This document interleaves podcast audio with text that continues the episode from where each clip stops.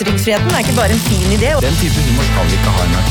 Som forfatter eller journalist er du alltid redd for at du har misforstått eller trådt feil. Her har vi da idrettsregler som griper inn i ytringsfriheten. Skillet er egentlig den kunstneriske kvaliteten. Det er jo ment for å gjøre narr av politiet. Jeg men jeg på jeg Snakk om det! Har jeg et rent hjerte når jeg sier dette her? Ytringsfrihet i 110! Ytringsfriheten er ikke bare en fin idé og en grunnpilar i ethvert demokratisk samfunn. Det er også en menneskerettighet som er beskyttet både i Grunnlovens paragraf 100 og i Den europeiske menneskerettighetskonvensjonen artikkel 10. Velkommen til podkasten Ytringsfrihet i 110, som skal hjelpe deg med å huske nettopp det. Ytringsfrihet i 110! Vi er ganske fornøyd med det ordspillet. Der. Men hva betyr det egentlig at ytringsfriheten er en menneskerettighet, og hvordan virker det i praksis? Hva betyr det for litteraturen, for journalistikken, for idretten, for musikken, for humoren? Det skal vi se nærmere på i denne podkastserien fra Norges institusjon for menneskerettigheter, NIM. Og hvem er så vi? Det er meg, Annin Kjærulf, eh, spesialrådgiver i NIM og førsteamanuensis ved Universitetet i Oslo. Og meg selv, direktør ved NIM, Adele Mestad. Og hver uke så får vi besøk av en helt spesielt utvalgt gjest. Dagens tema er ytringsfrihet i litteraturen, og for å snakke om det så har vi med oss den eminente forfatteren Åsne Seierstad, som kanskje ikke trenger så mye nærmere introduksjon, annet enn at hun har skrevet en rekke prisbelønnede og ganske fabelaktige bøker, som for eksempel Bokhandelen i Kabul, som lå på New York Times sin bestselgerliste i 41 uker og ble oversatt i over 40 språk, og En av oss om 22. juli, for å nevne to av mine mange favoritter. Velkommen hit! Tusen takk. Veldig hyggelig at du ville eh, bli med her i dag. Vi har mange spennende temaer vi skal gjennom. Vi skal snakke særlig om erfaringer med koblingen mellom litteratur og juss, eller litteratur og rettsapparatet.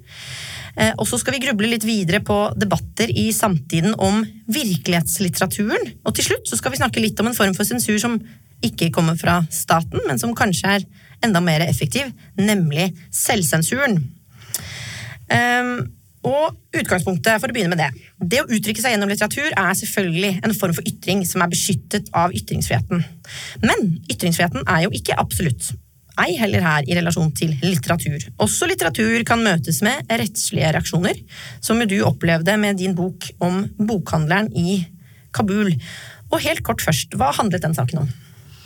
Den saken handlet om at eh, hovedpersonen øh, øh, mente at jeg ikke ja, hva skal man si, hva mente han egentlig? Eh, altså det, altså, eh, advokaten hans mente at jeg hadde brutt hans eh, privatliv. Du, du skrev en bok om en bokhandler i Kabul. Ja, eh, dette var da rett etter eh, 11. september, eh, hvor det viste seg at eh, de som sto bak, altså Osama bin Laden, var huset av Afghanistan.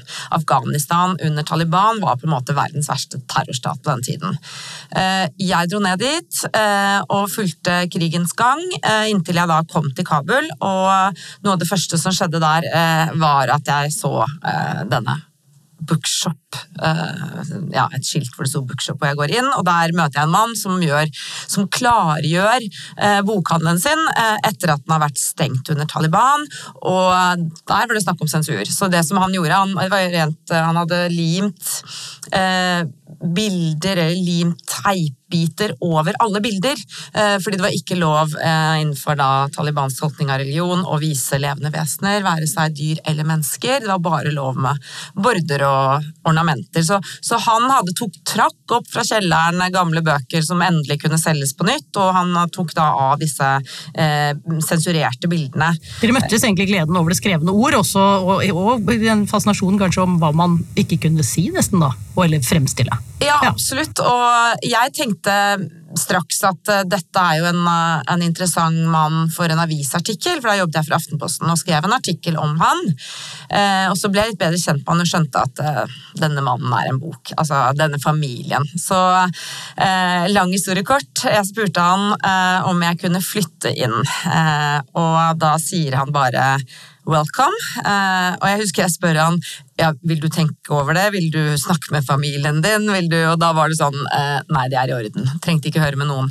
Eh, og så flyttet jeg rett og slett inn da, i familien, så, så, ting skjedde jo litt sånn ja, veldig kjapt og veldig improvisert. og den fascinasjonen var der jo helt liksom, for så vidt fremdeles. Eh, vi hadde jo et veldig godt og jeg følte ganske åpent forhold mens jeg var der, men så skar det seg jo da han fikk lese hva jeg hadde skrevet.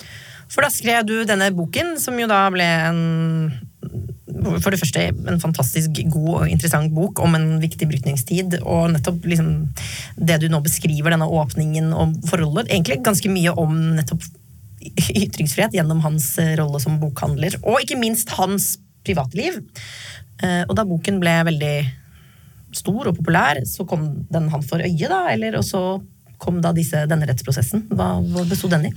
Ja, altså det som skjedde var at Jeg husker han ringte meg. Um, da hadde den kommet på engelsk.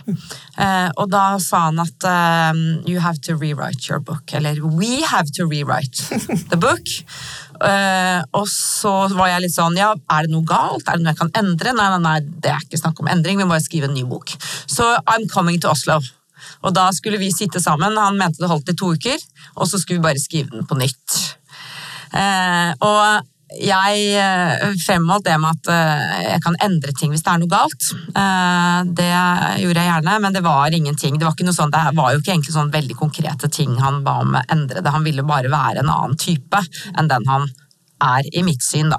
Så kom han jo til Oslo, og da hadde han vel, om han hadde kontakt allerede, eller om han fant en advokat her, eh, det var Brynja Meling i første omgang.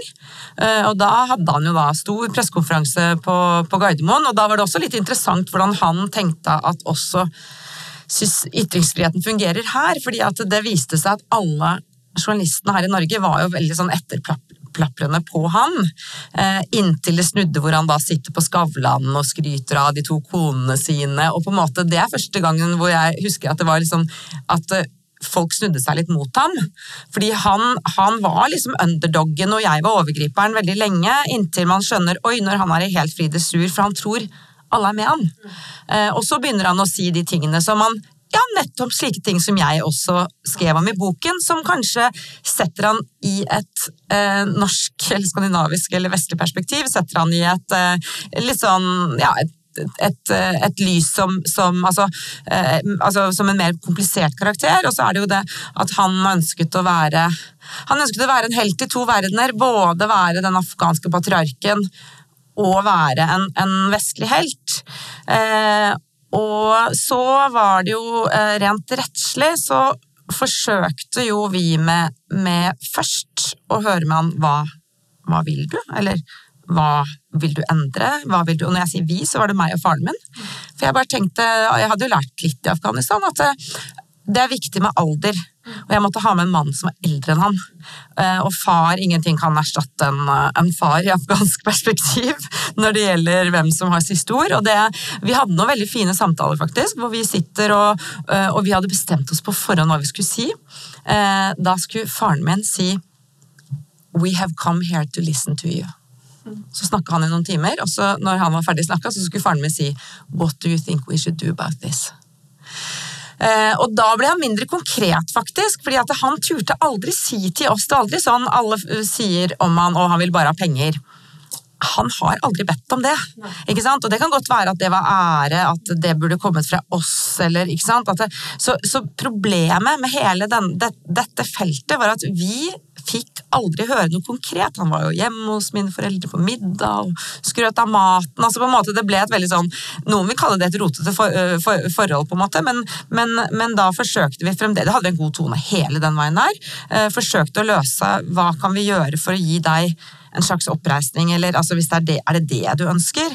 Eh, men eh, det ble ikke konkretisert før da han fikk en advokat. Eh, først av Brynja Meling, som han senere sparket, og det var visst noen pengediskusjoner som ikke de var enige om, eh, og hvorpå han da fikk eh, Per Danielsen.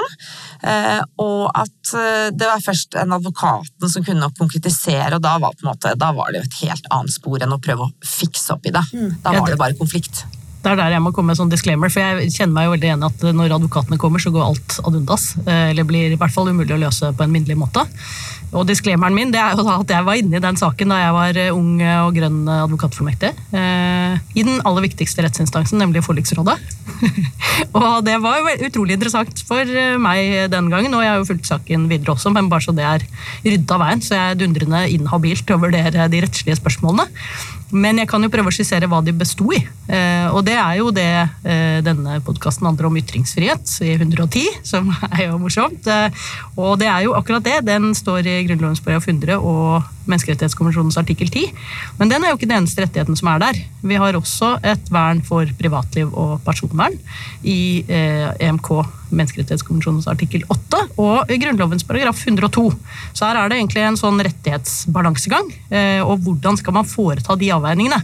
Det som teller der, det er jo hvor stor allmenninteresse har ytringen på den ene vektskålen, og hvor inngripende er det i privatlivet på den andre vektskålen. Har man samtykket, så vil det fort være eh, 1-0 i favør ytringsfriheten.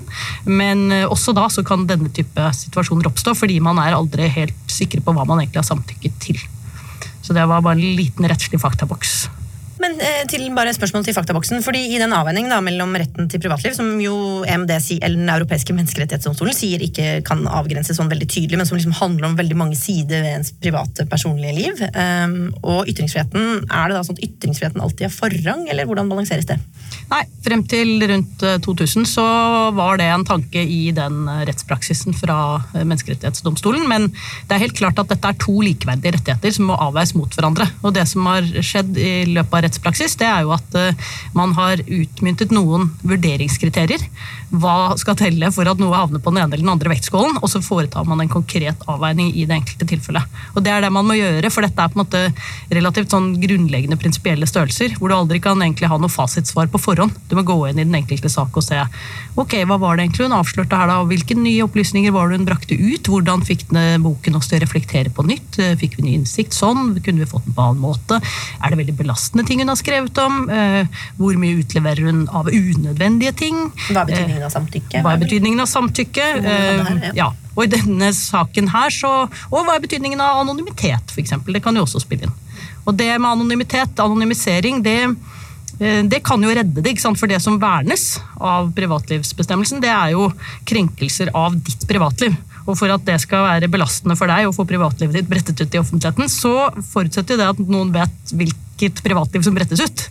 Men sånn anonymisering er jo ikke alltid så lett. Eh, og så oppstår det av og til den litt paradoksale situasjonen i disse sakene her, da, at noen føler seg veldig utlevert, og veldig mange har kanskje ikke skjønt hvem de var. Og så går de til sak, og da skjønner jo alle hvem de var. Så da faller anonymiteten av den grunn, og det kan jo ikke akkurat den som har utlevert private opplysninger, klandres for.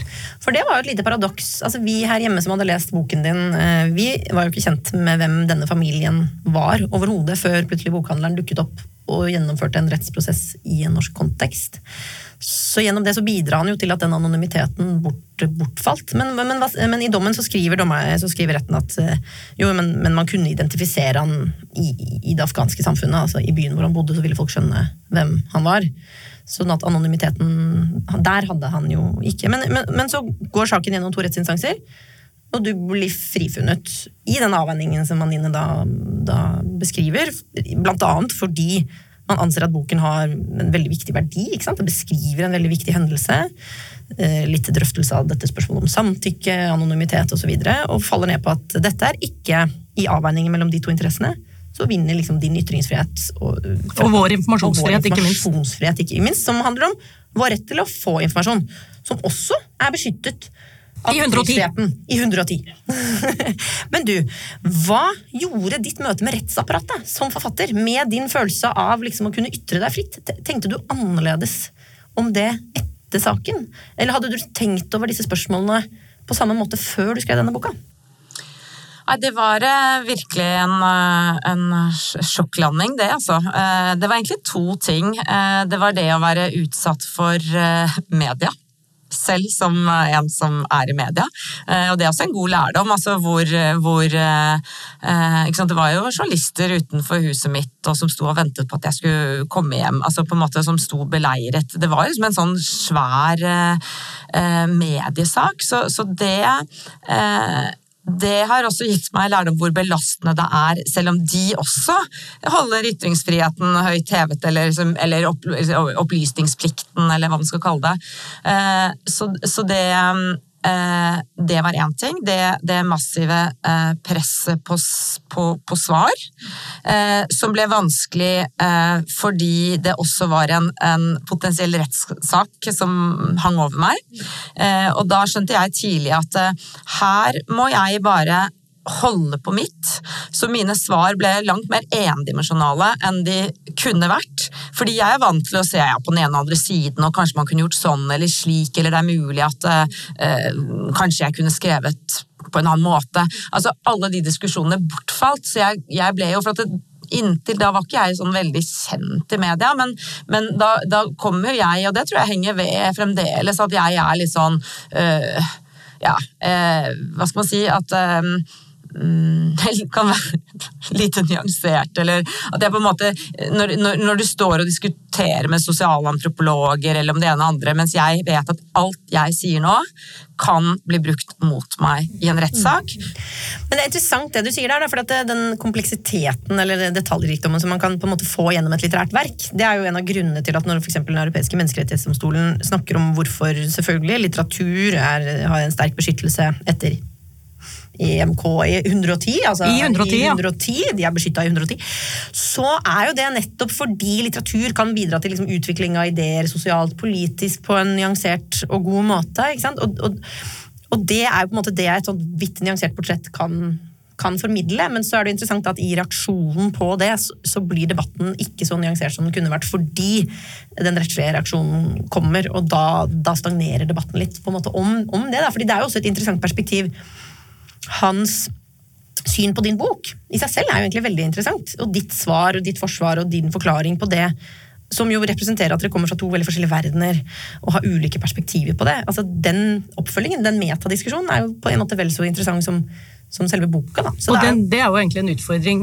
eh, sånn helt generelt med at det fins grenser for ytringsfriheten. Altså Det er lett å være enig i at de bør finnes, og, og, og, når de er gode og håndheves og alt sånt, så er det bra, også for ytringsfriheten selv. ikke sant? Men den muligheten for en rettslig konsekvens av å bruke sin ytringsfrihet på en nyansert måte, den bidrar jo til at man lar være å bruke den ytringsfriheten på en nyansert måte. Så alle grenser for ytringsfriheten har en potensielt nedkjølende effekt på en fri debatt. Det må man ha med seg når man av og til tenker at debattene går for langt, eller at offentligheten er for hard, eller nå må vi forby mer, flere ting. Det er jo hva, Hvilke konsekvenser har det si, i, i, den store bredden? Det er jo et viktig perspektiv. Det er det, og Da brukte du det ordet nedkjølingseffekt, da, som vi snakker mye om, men bare si kort hva det er for noe. Ja, Tanken er at uh, hvis, du, hvis ytringsfriheten er en sirkel, og så er de rettslige grensene for ytringsfriheten det som definerer ytterkanten av den sirkelen. Og det kan være forbud mot trusler, forbud mot ærekrenkelser, privatlivskrenkelser, sjikane, hatefulle ytringer. Hvis de grensene ikke er helt klare, og det kan de ofte ikke være fordi språket vårt er så nyansert, eh, så blir det et slags sånn belte i, i, rundt den sirkelen, som er et sånn litt vagt rom. Og det er den nedkjølingseffekten av at de fins for å holde deg på den riktige siden, så, så legger du en litt sikkerhetsmargin. En buffer. En buffer. buffer. Og da uh, skjer det to ting. Du får ikke sagt alt det du kanskje ville. Vært så nyansert som du ønsket i debatten. Og vi får ikke høre de nyansene. Vi er ute, den på en måte siden av ytringsfriheten som er informasjonsfriheten. Nemlig ikke din mulighet til å snakke men, eller skrive, men vår mulighet til å lytte og lese. Og så kan vel tenkes at I den buffersonen at det er der de interessante tingene skjer. Det er jo ofte det. seg ja, det er der de skjer. ikke sant? Så det kan være nye ideer som man kanskje er litt redd for å si høyt. eller altså, Den type konsekvenser. At de bufferen, der ligger de interessante tankene. Men si meg nå, så fortsatte du i dette sjangervalget ditt, som jo på en måte var det som skapte denne, denne situasjonen, som jo var veldig krevende. Hvordan påvirket det deg da senere, når du skulle lage tilsvarende bøker med tilsvarende sjangervalg? Hva, hva tenkte du på da? Hvordan prega det liksom forfatterskapet ditt? Følte du deg mindre fri? Ja, absolutt. Det har preget meg veldig. Eh, og det handler også om eh, noe mer ytre enn eh, noe indredrevet. Og det er noe med at som journalist og forfatter, særlig som journalist, da, så hva skal man si, som noen sa, du lever av din troverdighet. Hvis ikke jeg blir trodd på, hvis jeg blir sett på som en som ah, Det er stemmer jo ikke helt, eller han sa det ikke var sånn, eller eh, kan ikke stole helt på henne, så er jeg ferdig på det feltet. Eh, og det var det som kanskje var det viktigste for meg fra dag én. Eh, at eh, det er min egen troverdighet som jeg må bevare i dette.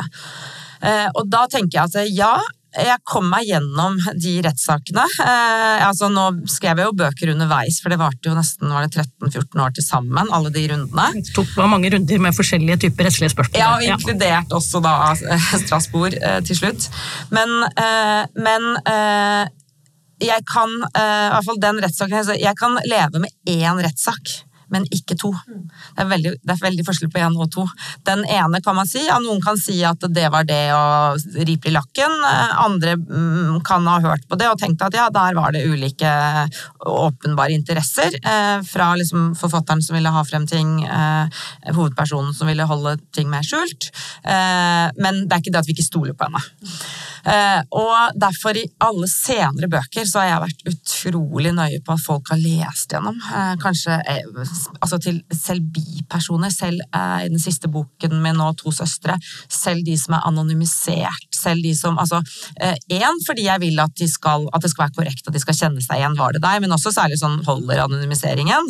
Eh, men også eh, for å unngå at de skal kom, eh, komme i etterkant og si det var ikke det jeg sa. Og jeg til og med til den boken så fikk jeg folk til å Jeg printet ut, og jeg fikk dem til å lese gjennom og signere hver eneste side. Sånn at de ikke skulle kunne si ja, det var ikke den versjonen jeg leste. Så det er liksom, Jeg har flere permer fremdeles som er eh, altså signert med initialer hver eneste side der hvor, eh, hvor, hvor, hvor deres uttalelse står.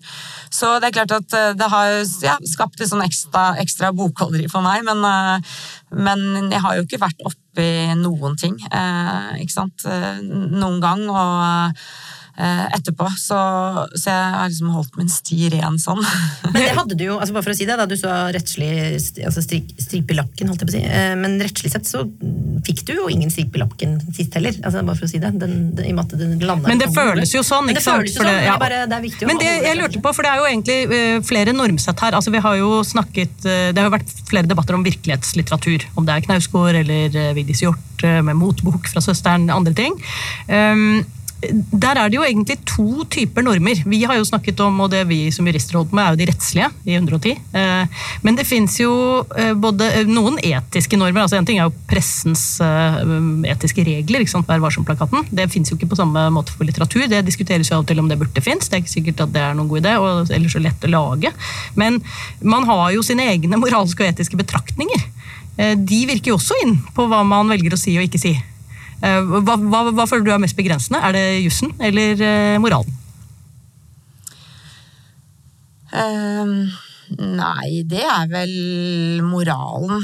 Um, altså, det som jeg ikke nevnte nå med to søstre, er jo åpenbart. Hovedpersonene har jo ikke uttalt seg eller godkjent noe som helst. De, er jo heller ikke, altså, de har jo ikke heller bidratt. Uh, og det som, var, det som er min uh, rettesnor, da, når jeg skriver, er at eh, Særlig når jeg da eh, redigerer i siste instans hva skal ut. Da er det å skrive noe som jeg kjenner at jeg kan gi til dem, hvis jeg møter dem, da, om det er i flyktningleir eller på grensen til Syria eller hvor det måtte være, eh, og gi dem den boken og si dette er det jeg fant om dere, vær så god og les. Jeg er spent på hva du syns. Og det mener jeg fremdeles, og, og jeg gleder meg jo nå som jeg vet at de har overlevd, de to jentene, mot alle odds. Jo, altså de, barna har overlevd, altså de har jo klart seg da, heldigvis. Eh, jeg gleder meg til å møte dem. Eh, hvis jeg er så heldig at jeg får anledning til det. Hvis de vil møte meg. Jeg har jo skjønt at eh, de ikke var så glad for å bli skrevet om. Men der kommer jo absolutt, tenker jeg da, eh, det, altså allmennytten eh, enda viktigere enn bokhandelen i Kabul, egentlig. At eh, vi måtte prøve å forstå hvorfor så mange unge mennesker fra Europa dro til Syria, til et samfunn liksom, basert på profeten Mohammeds tid, altså, og, og ga avkall på alt det som et vestlig demokrati kunne tilby dem av utdanning og støtte, ressurser, en ja, et, fremtid um, en fremtid her, eh, det var vanskelig for mange å forstå. Hva handlet det om? Og da måtte man inn i, man inn i det innerste, og da måtte jeg inn så langt jeg kunne. Men eh, jeg er veldig interessert i å selvfølgelig høre med dem hva som, hva som, hva som stemmer, og som, hvor jeg eventuelt trådte feil, hvor jeg eh, misforsto. Aller helst selvfølgelig bare fra dem. Jeg, jeg syns ikke heller at det hører hjemme i rettssystemet. Og det tror jeg faktisk ikke de tror heller. De har jo aldri sagt, eh, sagt noe om akkurat det.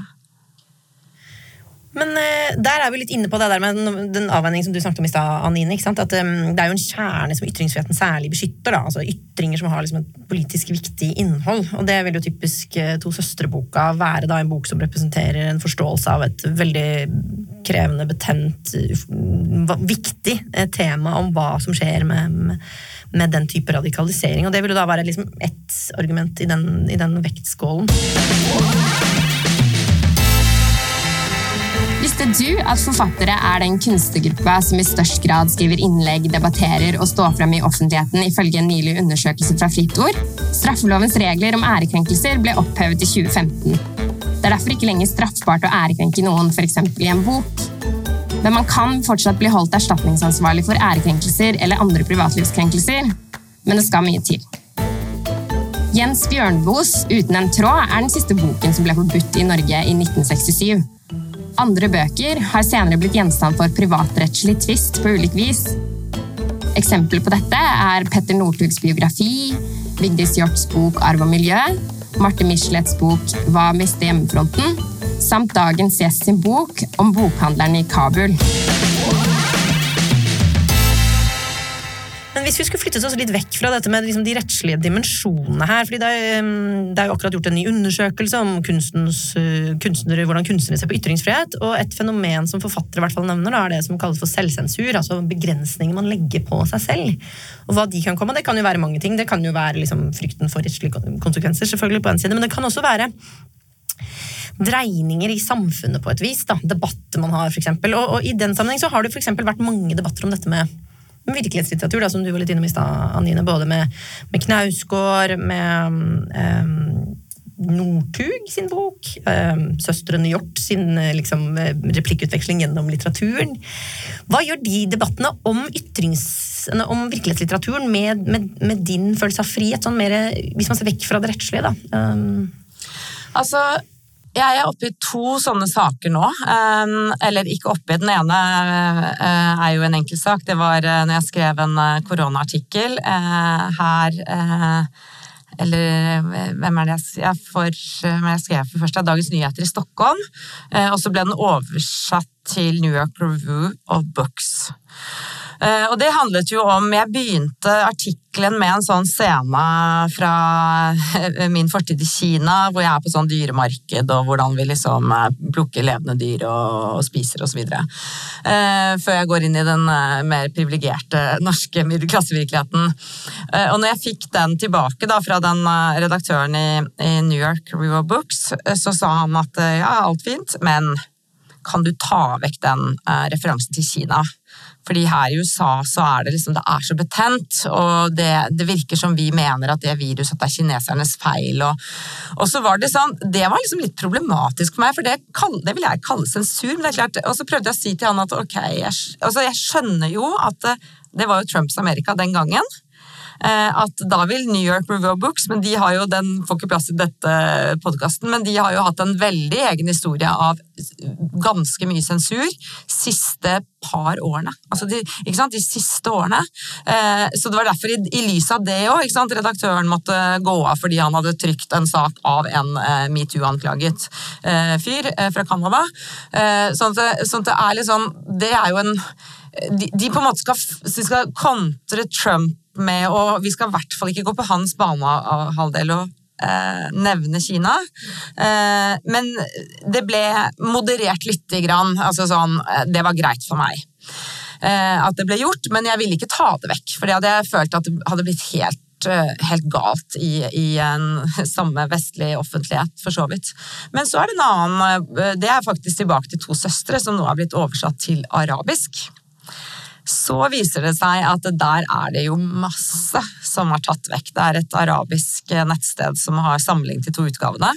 Eh, og da er det jo hele, altså, hele sider, kapitler, særlig alt det som går på da broren som blir ateist, som er eh, tatt vekk, endret på, eh, og altså en, ja, en masse referanser er bare Hvilken føling hadde du med dette underveis i oversettelsesprosessen? Eller hvordan, det, hvordan foregår det sånn i praksis? Det...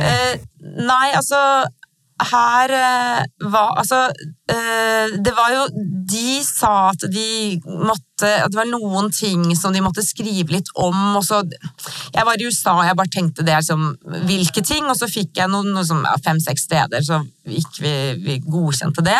At de kunne endre på noe der. Men nå er det, som, det er hele sider. Jeg tror det er nesten et helt kapittel, det som heter uh, God is not great. Eh, og da mener jo det arabiske forlaget at det går ikke an å si på arabisk. Nei, det er. For det er Allah Akbar er jo, ikke sant? Og så er det jo den, Jeg hadde en referanse til Christopher Hitchens 'God is not great', den boken hans. Eh, men eh, det er fullt mulig å si det på arabisk, men, men der har de eh, Så nå vurderer vi eh, om vi må trekke boken. Eh, og oversette på nytt, fordi at det er såpass mye som har endret seg. Og, da, og det det handler om da for meg, er at den arabiske verden, akkurat som da åpenbart i USA, er utsatt for en økende sensur. Det er klart på et helt annet nivå, men det er mye mer sensur enn det har vært tidligere. Er dette, Den arabiske varianten dette kan ikke jeg nok om, er det da en sensur som gjør at dette kan de ikke gjøre, rett og slett, for da kommer det myndigheter og tar dem? Den amerikanske varianten er jo åpenbart en politisk korrekt variant, som ser ekstra dum ut nå, når, vi, eh, når alle begynner å spekulere om Kinas rolle for dette viruset i utgangspunktet, og alt det som tidligere var konspirasjonsteorier som bare Trump sto for.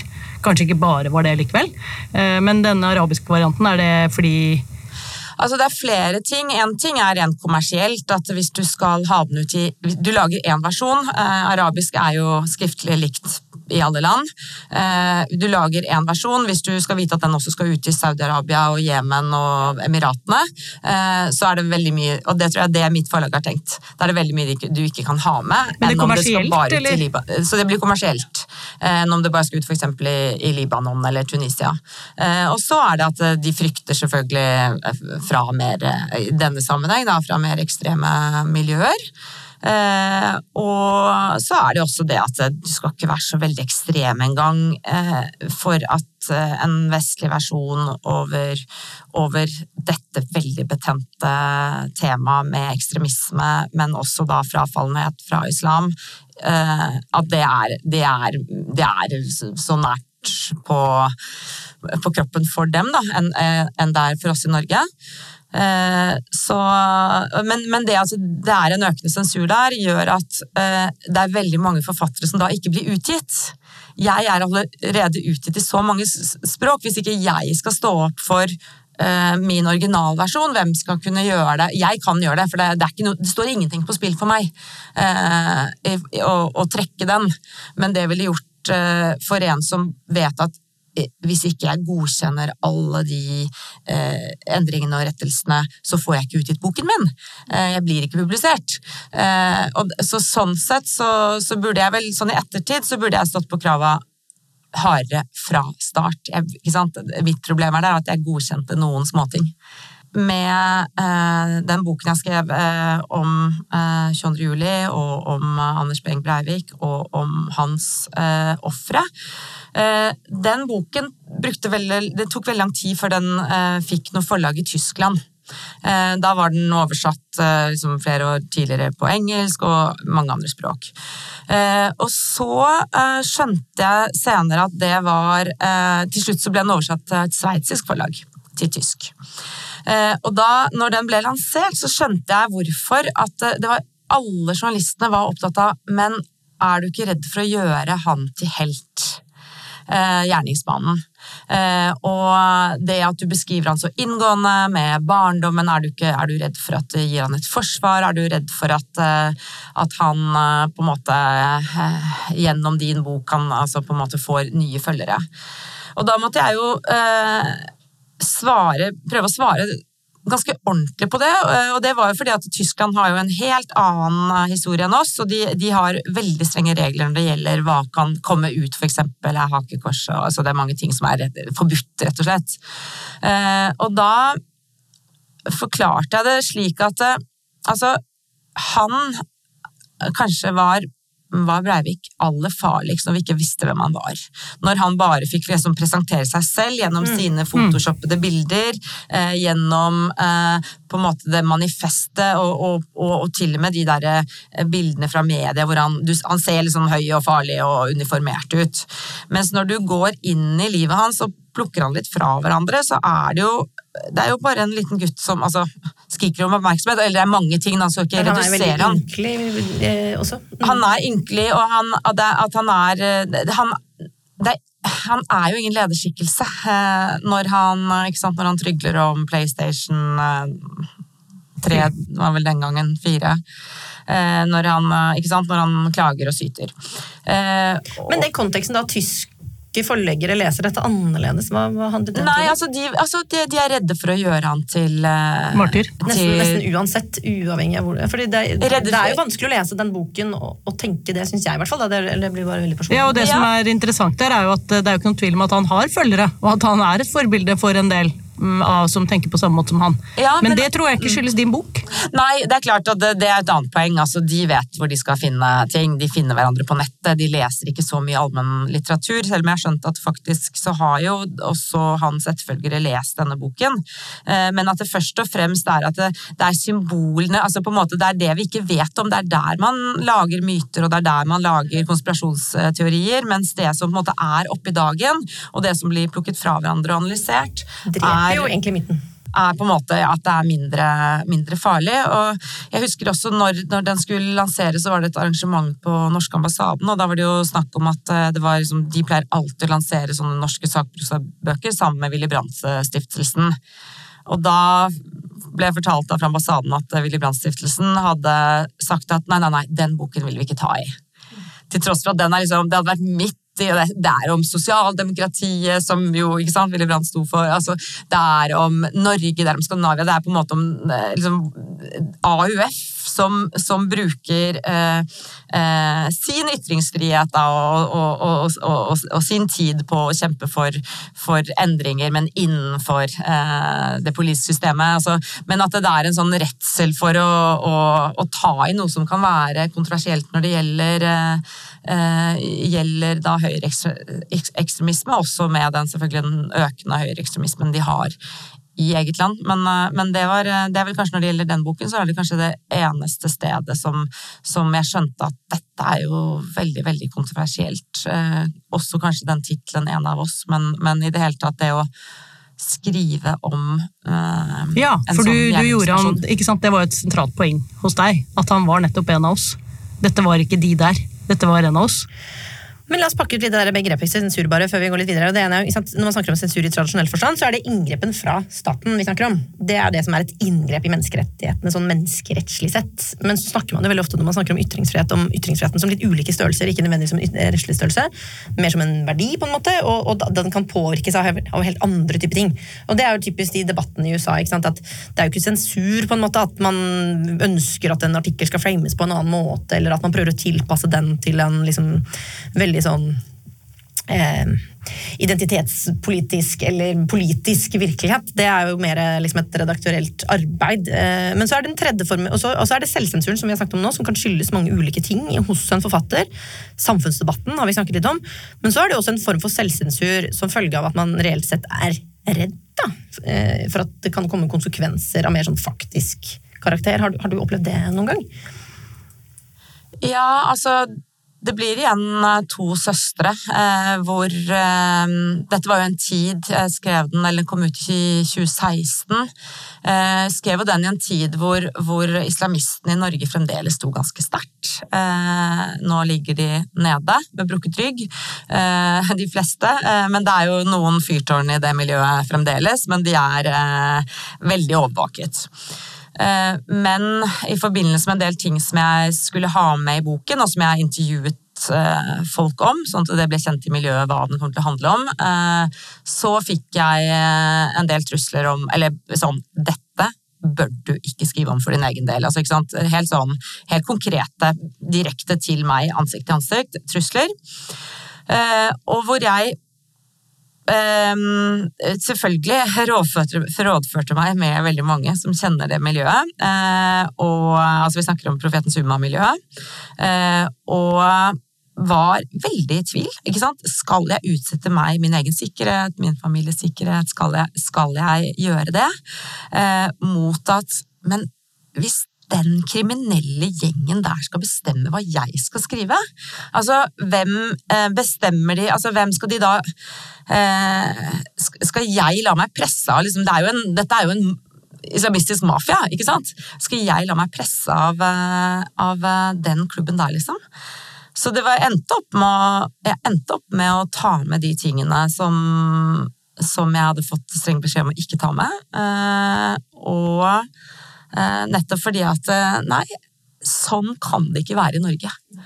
Eh, og hvis ikke jeg kan eh, tørre å gjøre dette, så jeg kan ikke kreve at eh, andre ikke sant, i, i helt andre typer samfunn hvor, hvor, hvor, hvor, truslene er hardere, og hvor de kan komme fra mye mer potente miljøer. Så, men, men, det var kanskje mest konkret. Prinsipiell holdning til det, da, men angra du på det noen gang, sånn menneskelig sett? Var du redd? Var du redd?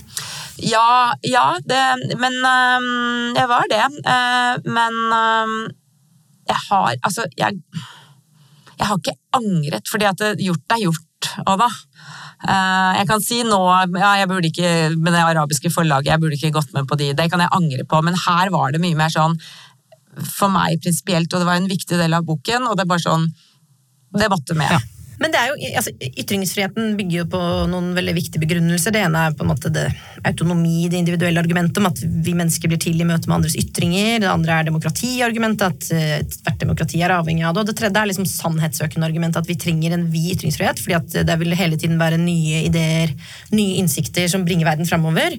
Og derfor må ytringsfriheten være stor. Og da sier Den europeiske menneskerettighetsdomstolen at derfor skal ikke ytringsfriheten bare beskytte ytringer som vi liker, eller som er behagelige å høre, men også ytringer som er egnet til å Shock, disturb and offend, sier domstolen alltid.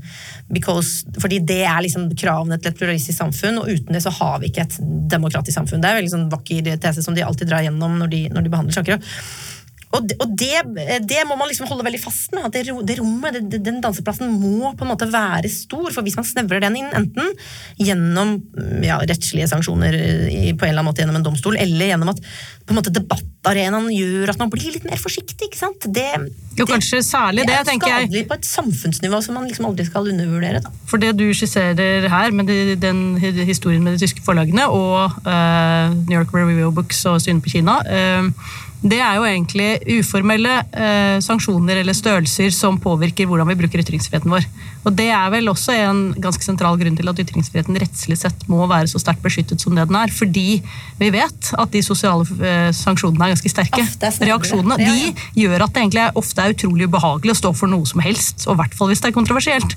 Og da trenger, jo, da trenger du at i hvert fall staten eh, Da trenger du i hvert fall lene deg på de søylene og vite at dette er helt innafor å si. liksom. Ja. For det er, ikke, det er, jo ingen som har lyst til å bli kritisert for å bidra til å tegne et bilde av en terrorist. Altså det, er, det, er, jo det er en veldig ubehagelig tilbakemelding å få, egentlig. Man kunne da tenkt seg at det hadde påvirket hvordan du skrev seinere, eller ja.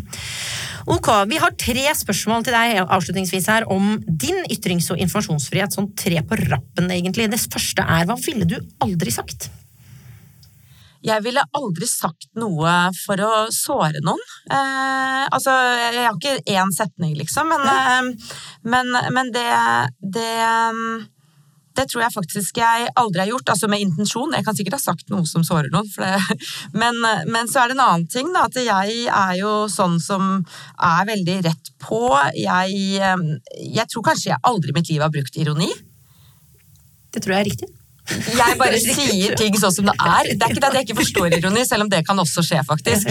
Men jeg bruker det ikke selv, og jeg sårer ikke med intensjon. Altså, jeg, jeg er veldig Jeg er kanskje den minst farlige menneske i Norge.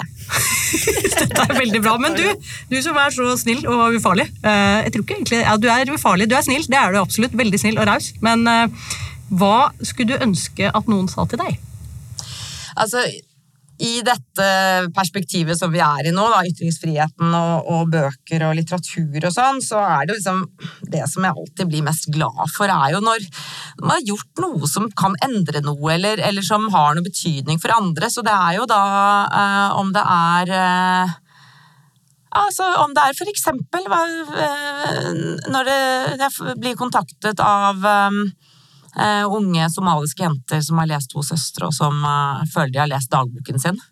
Uh, det er kanskje det beste komplimentet, sånn, særlig fordi du er alltid som forfatter eller journalist du er alltid redd for at, at du har misforstått eller trådt feil, eller, eller, bare sånn tolket det feil, sånn at ting har fått helt feil vekt. Men, så, så, det Ja, når noen følte at de, dette var dagboken min, jeg var i det miljøet, da, da ble jeg glad. Siste spørsmål. Hva er det mest oppsiktsvekkende du har hørt noen si? Det er stort sett altså det som, si, det som opprører meg mest, er eh, Og da tenker jeg liksom, når jeg reiser rundt i verden, er når eh, Når jeg skal se tilbake på hva det er, så er det når, når, når menneskeverdet blir ikke eh, likt for alle. Det er der vi skal lande dagen, kanskje? Ja. Jeg på. Ja. Tusen takk for at du kom, eh, Åsne Seierstad, og delte dine kloke refleksjoner om ytringsfriheten og litteratur, om de mange dilemmaene de diskusjonene skaper. Dette skal man sikkert snakke videre om også i tiden som kommer langs mange akser. Takk for at du kom. Takk også til Adeline Kierulf. Takk for at jeg fikk være med Podkasten er spilt inn i Dr. Dirks studio av de kjempeflinke folka hos Rollo Live. Det går bra. Den satt. Altså. Den tar vi.